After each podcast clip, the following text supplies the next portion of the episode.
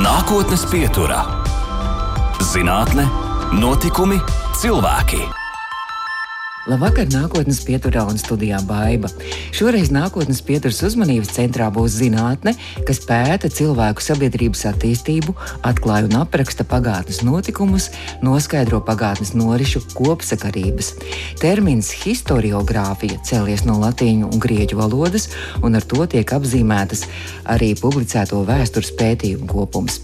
Bet mums tik ierstais vārds vēsture un tā atvasinājums vēsturnieks šogad svin savu 150. 5. gada dienu, un tie ir publicista, valodnieka un pedagoga Ata Kronvalda 1868. gadā darinātie jaunvārdi.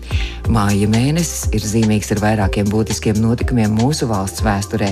Pirmkārt, ar satversmes sapulces sasaukšanas un Latvijas neatkarības atjaunošanas dienu, arī dienu, kad Latvija iestājās Eiropas Savienībā.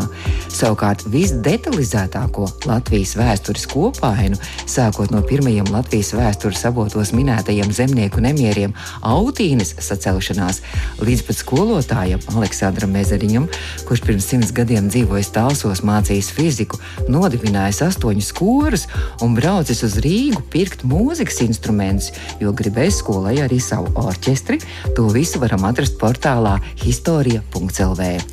Ar plašāku rezonanci izskanēja portālā nesen publicētais Rīgas pilsētas kronikas, kas ir pirmā zināmā pilsētas kronika Baltijā tulkojums, un nākotnes pieturas viesa Historija.CLV galvenā redaktora vēsturnieka Valtera Grīviņa interešu lokā ir novatpētniecība, vēsturiskā rekonstrukcija un vēstures popularizācija. Šobrīd viņš ir pievērsies unikālam un vērienīgam pētniecības projektam, nozīmīgai Latvijas kultūras mantojuma sastāvdaļai, visus novadus aptverošu Latvijas vēsturisko krogu katalogu izveidēji.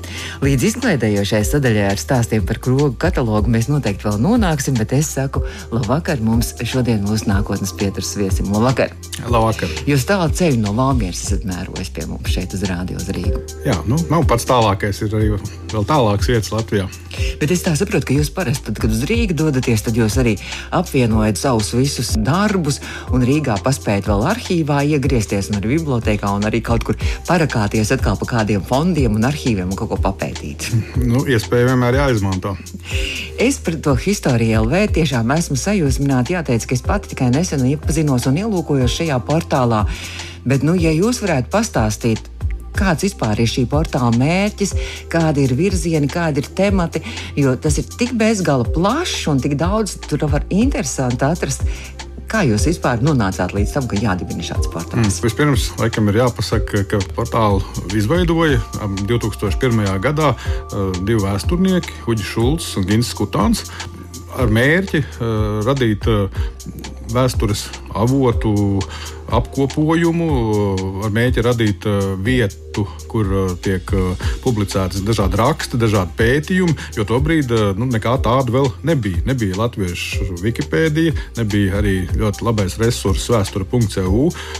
Nu, tad viņi izlēma, ka šo lietu vajadzētu darīt. Viņiem arī izdevās izveidot historijas pamatu, kur ietilpst pamatā lielākoties dokumenti, vēstures pirmavoti, tie, kurus izmanto vispārējas vēstures apgūšanai, izzināšanai.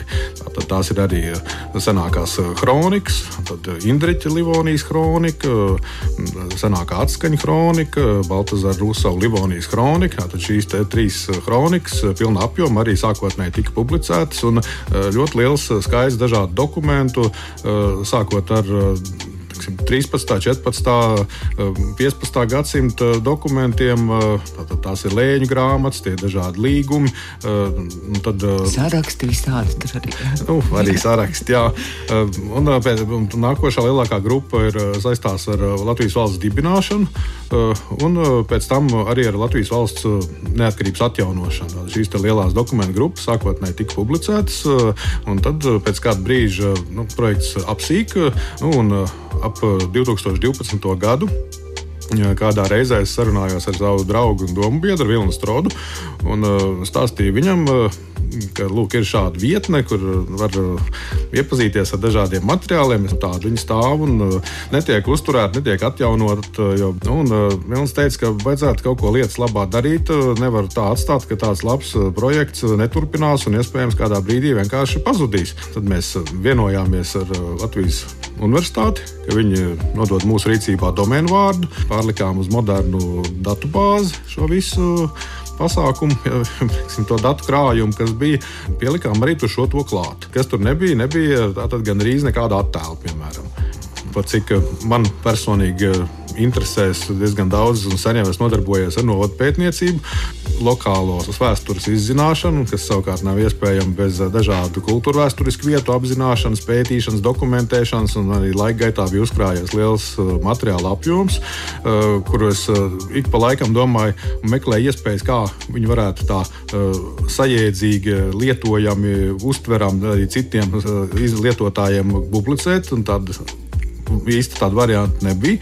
Eh, nu, sapratu, ka, ja reiz mēs esam sākuši šo lietu darīt, nu, tad šī sistēma, šī nodu pētniecības materiāla publicēšanas platforma ir jāveido pašiem un jāliek klāt kā vēl viens eh, slānis, līmenis vai sadaļa historijā. Mm. Es gribētu salīdzināt to historiju LV ar tādu tā puzli, kur no daudziem maziem puzles gabaliņiem tur veidojas, veidojas, veidojas tāda milzīga dažādos virzienos izvērsta Latvijas kopaina. Eh, nu, tas, eh, tas viens bija viens no mērķiem eh, sasaistīt kopā savstarpēji mm, atkarīgus saistītus materiālus, tā lai varētu nu, pāriet no, no viena uz nākamo, teiksim, no Biskupa Alberta uz Domu baznīcu, uz Rīgas arhibīskapi, nu, tādā, vai, vai arī no otras puses pienākot pie kaut kā liela, nokļūt līdz šim maziņam, katram, kas ir iesaistīts atsevišķais elements. Bet attiecībā uz šo novadu pētniecību, es skatos, ka jūs arī izceļat tos novadu personības, kas reiz ir dzīvojuši, kas arī ar novadu pētniecību acīm redzot, ir nodarbojušās un mākuši dažādus materiālus. Tad laikam arī jūs tiekat pie šiem materiāliem, pie šiem krājumiem klāt. Tad tas viss ir milzīgs darbs digitalizēt to visu un ievietot portālā. Nu, darbs, darbs ir milzīgs, jebkurā gadījumā, eh, bet eh, šo materiālu viņu, viņu ir daudz. Viņu ir daudz. Galvenais ir eh, meklēt, atrast, pamanīt nu, un arī izdarīt. Kā viens piemērs, ko es gribētu varbūt, uzsvērt, ir saistīts ar Rānas pagastu. Tad Randas pagastā, Ludīgas novadā, savulaik ir darbojies novadpētnieks Valdemārs Ozols. Es ar to pamanīju. Jā. Jā, jā. Tad viņš bija agronoms. Viņš bija agronoms, viņš absolūti nebija nekāds saistīts ar vēsturi, bet viņam bija radusies tāda interese par savu pagastu māju vietām, primāri par māju vietām. Un ap 80. gadu, sākot no apmēram no 78. 1978. līdz kādam 1982. 84. gadam viņš apbraukāja, apstaigāja kādas divas trešdaļas no Rennes pagasta mājvietām. Viņas arī sāfotografējot. Daļa fotografija ir labākas kvalitātes, daļa ne tik labas, bet viss tas apjoms, tas darbs izdarītais, viņš ir Latvijas mērogā unikāls. Jo nav neviens tāds pagasts, kur būtu tik plašs aptvērums tajā laikā darīts. Pēc tam jau tuvojoties jau atmodas laikam, un pēc tam uz mūsu dienām ar vien tuvāk nākot, ir, protams, ir daudz pagastu, ir apzināti, ir nofotografēts mājvietas, kultūrvēturiskās vietas, cilvēki, bet eh, tajā laikā, nu, vismaz man pagaidām nekā cita līdzīga uzzināt, nav izdevies, ka kāds kaut kur to būtu izdarījis. Nu, un, um, ieraugot to izdarīto darbu, kurš uh, materializēts uh, bija divos albumos, Es sapratu, ka tas ir eh, kaut kas tāds, eh, nu, ko pirmkārt vajag popularizēt. Jo viņš šī albuma glabājās eh, Rennes bibliotekā. Rendinieki viena daļa zināja, ne visi zināja pat, ka tāda ir. Nu, nerunājot par plašāku sabiedrību, nu, viena vien doma bija popularizēt, parādīt to, kas kādreiz ir izdarīts, un otrs, kas, kas uzreiz radās ideja, ka nepieciešams ir veikt arī mūsdienu fotofiksāciju visām šīm mājvietām. Tad jūs vēl vienreiz mērojāt šo pašu ceļu jau ko? Nu, jā, izdevās uh, apbraukāt tās mājvietas, uh, no kurām viena daļa. Uh, protams, vairāk nav dabā redzams. Arī tādā ziņā tas viņa darbs ir ļoti vērtīgs, ka daudzas arī senatnīgas ēkas, vecsaimniecības, tādas etnogrāfiski vērtīgas celtnes, kuras mēs šobrīd varam tikai redzēt fotografijās, ir fiksētas un ir tā, tā, tādā veidā saglabātas nākamībai. Nu, apbraucam, nofotografējām, savācām arī diezgan daudz ziņas. Nu, gan neejot ļoti tālu atpakaļ pagātnē, sākot ar neatkarīgās Latvijas laiku, tātad statistikas dati, lauksaimniecības skaitīšanas ziņas, tautas skaitīšanas ziņas 35. gada un 41. gada.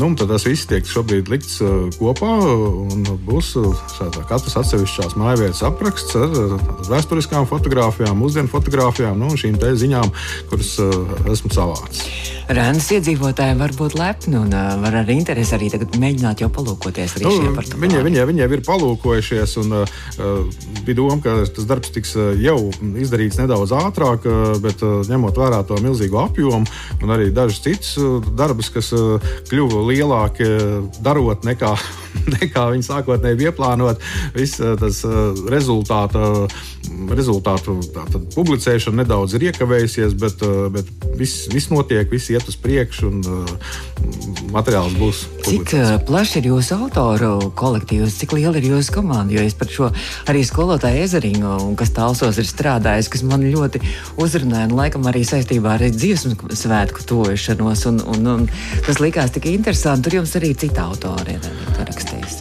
No autori ir uh, tie, kas piedalās brīvprātīgi Ir, protams, bijuši atsevišķi eh, projekti, kur, eh, kuru ietvaros eh, ir veikts intervijas ar vēsturniekiem, kultūra vēsturniekiem, bet pamatā tātad šie autori piedalās brīvprātīgi, kurš ierauga to, ka viņa darbs varētu papildināt esošā materiāla klāstu. Nu, viņi paši atsūta. Ir tādi, kurus es uzrunāju, kas kaut ko iedod un uzraksta, un ir tādi, kas paši atsūta. Bet nu, tādu pastāvīgu autoru mums nav, jo nu, tam būtu nepieciešams, protams, pavisam cits tiksim, budžets un finanšu resursi. Bet, ja kā, kāda rīcībā kaut kas interesants ir un grib arī piedalīties, tad var droši jūs meklēt rokā un arī varbūt tas protams, protams, vispirms ieskatīties jau tajā esošajā esošajā apjomā, materiālā un uh, tematikā, kāds, uh, kāds ir uh, pieejams historija.cl. Un jebkurš kvalitatīvi sagatavots darbs par vispārējo vai vietējo vēsturi, par personībām, par kultūru vēsturi, par kultūru vēsturisko ainavu, arheoloģiju, etnogrāfiju laipni gaidīts. Mēs turpināsim mūsu sarunu pēc brīža. Mūsu nākotnes pieturas viesis ir Historija LV, galvenais redaktors vēsturnieks Vālters Grīviņš. Jūs arī izvēlaties mūziku. Tas būs kaut kas no arī no sendienām, no Bumbiera un Viktors Lupčēnaks. Jā, viņiem ir tāda ļoti skaista, melodiska un tā pašā laikā saturīga dziesma par Rīgas leģendām, par Rīgu. Tādu, tas, tas sasaucās arī ar mūsu nesen publiskoto Agardzeņa iztulkoto un komentēto Rīgas pilsētas senāko kroniku, tad 15. gadsimtā tapušo Helevega kroniku, kur ir digitāli pieejama Historija LV. Nu, man šķiet, ka tieši tā diezgan asiņaina. Eh, nu, Viss tā, vis tā Latvijas vēsture ir lielā, diezgan asiņaina, bet neteiksim, ka Helēna kronika būtu pati asiņainākā. Kas, tur ir daudz dažādas interesantas lietas, dažādi momenti, bet viens, no, viens kas man šķiet būtisks, ir tas, ka tātad šīs galvenās konfliktējošās puses, tā ir Rīgas pilsēta, tas ir Rīgas arhibīskaps un Livonijas ordenis, ka viņi necentās eh, nu, viens otru tā eh, pilnīgi iznīcināt un pēc iespējas vairāk apsist, kā saka, tos savus pretinieks. Eh, viņiem, cent, viņi centās vispirms diplomātiski risināt uh, savas nesaskaņas, savas nesaprašanās. Šī diplomātiskā risināšana ievilkās ļoti ilgstoši, ļoti nu, detalizēti, aplūkojot šos jautājumus, sūdzoties, pārsūdzot. Teksim, pāvests iesaistījās, Ziemeļvācijas pilsētas iesaistījās, Tērbat un Rēvel kā starpnieki iesaistījās. Nu, tad, kad kāda puse saprata, ka viss, nu, es esmu viss izsmēlis visas iespējamās citas līdzekļus, eh, nu, tad tikai ķērās pie šīs karošanas. Livonijas zemeskunga savstarpējā karošana, viņi tomēr eh, bija ar domu, ka pēc iespējas tos karus ātrāk eh, pabeigt un atkal atgriezties pie normālas lietu kārtības. Nākotnes pieturā. Mēs turpinām nākotnes pieturu. Nākotnes pieturas viesis šodien ir portāla historija.cl. galvenais redaktors vēsturnieks Vālters Grīviņš. Es jau redzējumu sākumā minēju, ka šie vēsturiskie krogi, krogu katalogs ir tapšanas procesā. Nu, kā jūs vispār līdz tādai idejai nonācāt un, un kas ir krogos? Kultūra vēsturisks? Mm. Krogos, kas ir kultūra vēsturisks. Nu, līdz, līdz kroga pētīšanai tas ceļš bija nu, diezgan, diezgan taisns, varētu teikt. Sākot no 2021. gada, kad mēs norganizējām novadpētnieku mācību semināru Senie ceļi un robežas Eh, kur eh, pievērsām uzmanību gan seniem ceļiem, eh, gan krogiem, gan robežu akmeņiem. Un kroga, kroga tēma man arī ierosināja iesa, ie, ievietot un plašāk aplūkot šajā seminārā arhitekta Elzelijas Vītola, kura bija atsūtījusi savu maģistra darbu par vidzemes krogu revitalizācijas iespējām.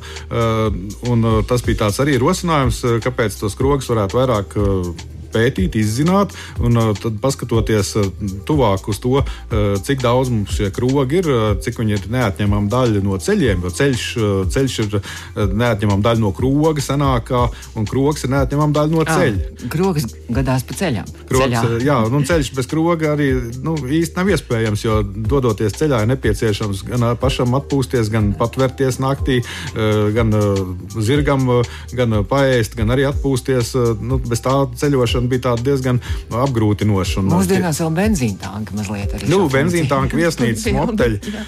Jā, un, nu, un, tad, un tad skatoties, uh, kas ir kroks, uh, nu, tur vispirms uh, ir šī senākā funkcija. Tā ir tātad šī ceļotāja nakts mītne, ceļotāja vieta, kur paēst, kur atpūsties, kur patvērties drošībā. Un tad pamazām, pamazām jau nāk klāt visas nākošās funkcijas. Un, no, ja runājam par kultūra vēsturisko funkciju, par kultūra vēsturisko saikni, tad tad eh, Livonijas laikā krogi eh, bija viena vien no vietām, eh, kur katru gadu notika šīs nodevu savākšanas, pagastu dienas, vai citur iet vairākas reizes gadā, citur iet vienu reizi gadā. Un, tā, šajā reizē tika savākts nodevs, tika spriesta tiesa ar zemes kungu pārstāvu klātbūtni, nu, un viss noslēdzās ar pagastu dzīvēm. Tad viss tiesa ir izspriesta, nodevs savākts, un to visu vajadzēja atzīmēt. Un par cik tas viss notika rudenos, jo, kad tu ievāks nodevs, kas ir, protams, naturāls nodevs tajā laikā, protams, ka tas ir rudens, un tad dienas ir īsas, bieži vien ir slikti laika apstākļi, un tad, kur, nu varēja atrast vietu zem jumta, nu, tad viena no tām retajām vietām, tā, kur arī varēja nokļūt vienkārši, jo kroks atrodas pie ceļa. Mm -hmm. ja kāda vieta atrodas tālāk no ceļa, tad viņi diezko daudz nederēs. Nu, tad šie, šie krogiem Krogi kļuva par šādā veidā par sabiedriskām vietām. Uh, kur, tādiem centriem. Tādiem, nu jā, kur notika sanākšanas, uh, arī svētku svinēšanas, protams, tāpat bieži vien, kuras, kuras svinēs, kur, kur dzers kāzas, tad baznīcas netālu, no baznīcas netālu ir kāds krogs piemērots, šajā krogā arī tik tās kāzas nodzertas reizēm arī, kad baznīca bija sliktā stāvoklī pēc kariem jumts virs galvas nav baznīcā, kur to turēs uh, dievvvārds atkal krogā. Jūs pievēršat uzmanību arī, piemēram, šo krogu arhitektūrai, būvniecībai arī? Protams, protams, protams. Uh, nu, krogi, krogi no vienas puses viņi ir samērā diezgan vienveidīgi, bet tajā pašā laikā ir atšķirības. Ir nu, tiksim, lielās atšķirības, ir vai šis krogs ir visbiežāk viņš ir taisnīgs tur veida celtne, vai ar vienu stadulu, vai ar divām stadulām. Senākie krogi krogi, bija koka krogi, viss kā viens. Eh, tad, protams, eh, sāk parādīties jau daļēji, daļēji mūri, daļēji koka. Tad, eh, un pēc tam jau maz, pamazām nonākam pie tā lielās, lielās masas ar mūru krogiem, kurus mēs šobrīd redzam, nu, vai nu vesels, vai jau sabrukušs. Un tā krogs ir īpatnējs ar to, ka tas ir tāds apvienojums, tur ir daļēji ir tautas celtniecības tradīcijas, īpaši jau senākajos koku krogos, kur varētu teikt, kas īstenībā neatšķīrās neko daudz no zemnieku mājas, tikai tādā nu, lielākā apjomā. Bet arī vēlākos laikos tomēr zinām, zinām tie būvniecības elementi, stilistika saglabājās un nu, radīja šīs celtnes, kas ir raksturīgas nu, faktiski vidzemei un Igaunijai. Jo citās zemēs atkal krogi ir nedaudz savādāki. Citas ir šīs tautas, arī tautas tradīcijas, celtniecības, un viņi atšķirās. Mums šī kroga saudabība ir arī tāda vērtība, kas senāk varbūt nu, nav īsti bijusi novērtēta. Un, mm. Mums kopumā ir vispār tikai 25 apmēram, nu, varbūt kāds mazāk vai vairāk vairāk krogi, kas ir valsts nozīmes aizsargājami kultūras pieminekļi. Lai gan, kā mēs zinām, ēkas ir saglabājušās diezgan daudz. Grūti pateikt, cik ir sabrukušas, cik ir saglabājušās, bet zinām, ka vidzemē 1860, ap 1860. gadu bija apmēram 2000 krogi. Apmēram, nu, tur daži liek klāt arī tos, ko sauc par šeņķiem, tā, tā, tās dzer, dzertuves, kur, varēja, kur nebija mm, iespējams novietot zirgus. Jā, latvieši. nu, atkal kā to ņem, jo krogas jau ierīkoja mužnieki, nevis latvieši. Protams, ka reizēm nu, publika jau bija latvieši. Publika bija latvieši, jā, nu, ir piedāvājums, tad ir arī kas izmanto, protams. Cik tālu jūs esat tikuši savā katalogā, cik daudz jau tad ir apzināts un cik vēl priekšā viss? Šobrīd ir uh, izpētīti, detalizēti izpētīti divu ceļu posmu krogi. Tad, uh, tas viens posms ir tad, uh, senais Rīgas straups, Valmieras valka starbats ceļš, kurā ir izpētīts posms Valmieras straupe. Tur ir apmēram 24 krogi. Un otrs ir garāks posms, tas ir posms koknes cesvais, tirza um, alūksne, ziemermuīža. Šis arī ceļš no koknes uz Ziemeļkrieviju senais tirzniecības tirzniecības ceļš. Un arī vēlāk, arī kādu brīdi pasta ceļš un satiksmes ceļš, protams, nu, tur, ir, tur ir nedaudz vairāk. Tur man šķiet, bija 3,9. Kopā, kopā pa abiem posmiem 63 krogi ir detalizēti izpētīti, aprakstīti, dokumentēti fotofiksēti. Un visi šie, visi šie apraksti ir jā, historija.cl. pieejami sadaļā vietas. Bet cik tad vēl priekšā jums liels darbs? Nu, priekšā ir ļoti liels darbs. Ja tikai vidzemē vien bija 2000, tad nu, vēl pārējā Latvijā. Jā, nu, vismazāk, protams, Latgalē ir bijuši, ja tur arī ceļu tīkls ir mazāks, kur zemē arī nedaudz mazāk kā vidzemē. Nu, tās krogas vietas, kuras vajadzētu izpētīt, no 3000 vismaz kopā būs. Un tad jums daudziem gadiem vēl darbs. Nu, priekšā. jā, jā, bet, nu, kad tu kaut ko sāc darīt, tad uh, gribās tā pamatīgi un kaut kā tā, lai būtu tāds rezultāts uh, gana nopietns un uh, gan aizstošas gan pašam, gan arī citiem. Nākotnes pieturā - zinātne, notikumi, cilvēki. Noslēdzot mūsu rādījumu nākotnes pieturam, kura viesis mums šodien ir portāla historija.lv galvenais redaktors vēsturnieks Falters Grīviņš, tad gribu vaicāt, kā jūs vispār nonācāt līdz vēstures pētniecībai? Vēstures pētniecībai es nonācu dīvainā kārtā. Eh, pirmā grāmata, ko es izlasīju, vai ko es vismaz sāku lasīt, eh, bija tā, kas gadījās par rokai. Viņa bija uz eh, skāpja augšas, atceros, un tā bija Gaja Jūlija Cēzara galvu karš. Tā, tāds, Cik gadi jums bija? Es domāju, ka pieci. Labi, ja, protams, es neko, tur, neko daudz no tā viss nesapratu, bet, eh, bet nu, tā ir pirmā, ko es, ko es atceros. Protams, ka noteikti ka bija kaut kādas eh, tās eh, mazās bērnu grāmatiņas, dažādas, bet, bet tāda nopietnāka grāmata, kurai es pieķēros, bet noteikti ātri noliku, bet es vēl atceros viņu tādu zeltainīgu vāku, un ka es viņu šķirstīju un kādā vienā otrā lapusē arī kaut ko interesantu atradu.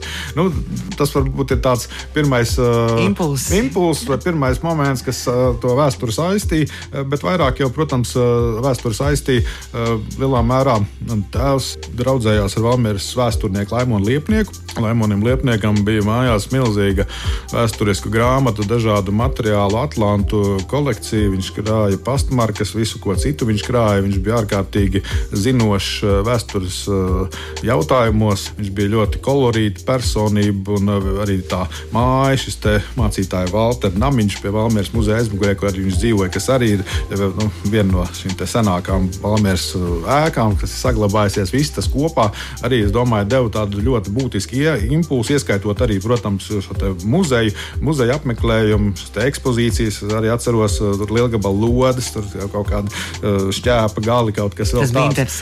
Nu, tas viss tā, kaut kāda radīja interesi, un tad, protams, ka tie, tad es arī meklēju, ko es varu lasīt par visu šo tēmu, un tad kaut ko man iedeva, kaut ko es pats, un, protams, pēc tam jau, kad sāku pats savām kājām staigāt uz bibliotēku, tad jau arī bibliotekā vis, visādas vēstures grāmatas tika salasītas. Un, uh, un tad, kad radās iespēja atkal uh, vienā vai otrā paziņu mājā uh, iegūt Latvijas laika literatūru, gan žurnālus, gan grāmatas, nu, tad pavērās šis skats pavisam cits, ne tas, ko tiksim, skolā stāst vai televizorā ko stāst. Un, tad tas viss kļuva, protams, vēl aizstošāk, vēl interesantāk. Nu, tā tu tajā visā, kad es iekrītu, tad jau tā ārā tikt vairs no tā nevar. Bet es saprotu, ka jūsu misija ir arī izglītot arī jaunos novadu pētniekus, jūs arī dažādas seminārus rīkojat, arī ekspedīcijas. Un... Nu, tas mums šī darbība darbošanās sākās ap 2017. gadu. Jo kaut kādā brīdī es sapratu, ka cilvēki, eh, kuri grib darīt eh, lietas, eh, kuriem interesē, bet viņi īsti nesaprot daudz. Nu, piemēram, ja mēs runājam par mūžu, kas ir mūža komplekss, ja mēs runājam par arheoloģisko pieminiektu klāstu vai par sakrālām vietām, tad atkal kādas šīs vietas ir, kas ar, nu, kas ar viņām saistās, ko vēsturnieki ir jau pateikuši un izpētījuši, nu, tādu radīt tādu vispārēju, radot vispārēju priekšstatu tad pirmkārt cilvēks saprot, kam vispār uh, viņš var pievērsties, kas ap viņu apkārt ir. Un otrām kārtām viņam arī rodas daudz maz pareizs priekšstats par to, kas tas ir. Uh, nu, tad tas rezultāts ir uh, daudz labāks šiem novatpētnieku darbam, daudz kvalitatīvāks. Un, nu, tā gribētos, protams, lai viss, kas mums apkārt ir, būtu labāks un kvalitatīvāks katram savā jomā, kur viņš darbojās. Mm. Un tad, tad, tad kopā ar domu biedriem mēs sākām plānot, ko varētu darīt. Arī tur gribētu pieminēt pieminēt Edgars Žīguru, eh, Latvijas etnogrāfiskā brīvības muzeja vēsturnieku. Tad mēs sarīkojām vienu, vienas mācības, eh, sarīkojām otras, eh, vienu semināru, otru semināru. Nu, tad viņi tagad jau ir savus desmit, jau vismaz ir noritējuši. Un, nu, ceram arī uz priekšu to darbu turpināt. Jo rezultātiem pieminot, viens ļoti patīkams rezultāts, kurus dabā pavisam nesen redzēju, ir Smiltenes mūžs, siernamiņš Tad, kur nogatavināja sieras, maza celtnīte ar pagrabu, ar mūra apakšu, ar koka augšdaļu. Viena no retajām, kas Latvijā ir saglabājusies. Un, tā, pēc šī mūsu semināra par mūžu, kā kultūra vēsturiskās ainavas veidotāju, tad smiltenes uh, turismu organizatori viņiem radās uh, impulss un mudinājums runāt atbilstoši ar pašvaldību. Pašvaldība uztvēra, ka jā, ka tā ir vērtība, un tagad ir, ir nomainīta jumta dakstiņa šim iernamiņam, un vispār ir virsū tāds skaists vispārējais jumtiņš namiņam ir uzbūvēts virsū, lai viņš turpmāk uh, labāk saglabātos. Nu, tas bija ļoti patīkami to redzēt. Bet mūsu redzējumu noslēdzot, jāsaka liels paldies jums, ka jūs ieradāties uz Rīgu no Valmieras puses. Valters Grīviņš, vēsturnieks portāla Historija LV galvenais redaktors. Un, laikam, tagad būs vēl noslēdzot rādījumu arī maziņš stāstīns par atmodas laiku. Jā. Atmodas laiks, eh, viņš eh, piedāvā tādu skaidru virzību un tādu papildus tādu nu, emocionālu redzējumu uz eh, Latvijas vēsturi un uz varbūt pašam uz sevi, uz saviem kaut kādiem mērķiem. Un tādēļ es izvēlējos dziesmu manai tautai. Eh, kur es domāju, visi, kas tajā laikā bija daudz maz eh, pieaugušā vai, vai vismaz tādā jauniešu vecumā, labi atcerās un, eh, un saprot, nu, ko tā ne tikai šī dziesma, bet ko vispār viss tas laiks mums savulaik ir devis. Nu, tās arī cerības, kuras lielā mērā nu, savā ziņā ir piepildījušās, savā ziņā nav piepildījušās, bet ko es gribētu novēlēt, nu, atgriezties tomēr pie tā redzējuma, kāds bija, nepakļauties nu, tam nihilismam un tai šodienas realitātei, kurā šķiet, eh, ka tas, eh, nu, ka tas Latvijas valsts un Latvijas tautas mērķis, ko mēs saskatījām to laiku un sajūtām, ka īstenībā tā šķiet bieži vien, ka viņš ir aizmirsts un ka viņš šobrīd vairs pat nav īsti vajadzīgs un pat traucējošs un pat kaitīgs vienai daļai. Nu, es domāju, ka būtu ļoti labi, ja mēs censtos tomēr eh, turpināt darboties, turpināt dzīvot ar tādu skatījumu, kāds mums uh, tolaik bija par to, uh, kas ir Latvija, kas ir latviešu tauta, kāda mūsu vieta ir šajā zemē, kādas mūsu tiesības šeit ir mūsu arī pienākumi. Man jāsaka liels paldies par to, ko jūs teicāt, par to, ko jūs darat, un par to, ka jūs atbraucāt pie mums ciemos uz nākotnes pieturu. Paldies! Paldies, ka uzaicinājāt! Izskan nākotnes pieturā.